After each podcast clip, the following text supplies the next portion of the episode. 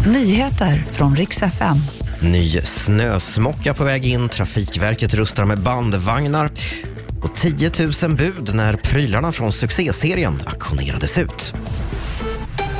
Och idag drar ett nytt rejält snöoväder in över landet. Ett område med snö och blåst kommer in från Norge och i västra Sverige kan det bli stökigt redan nu i morgontrafiken.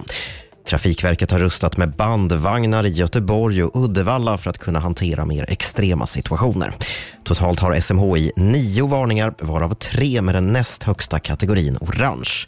De gäller för västkusten och för delar av Ångermanland och södra Västerbottens kustland.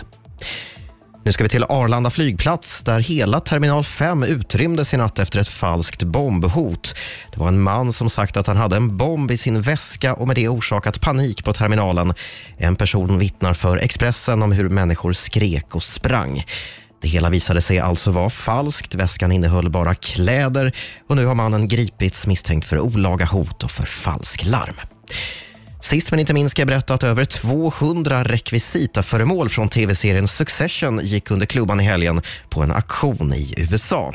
Bland föremålen fanns bland annat karaktärernas ID-kort, den hundmaskottdräkt som kusin Greg bär på en nöjespark i serien och de fejkkorvar som Logan Roy använder i sin lek Bore on the floor.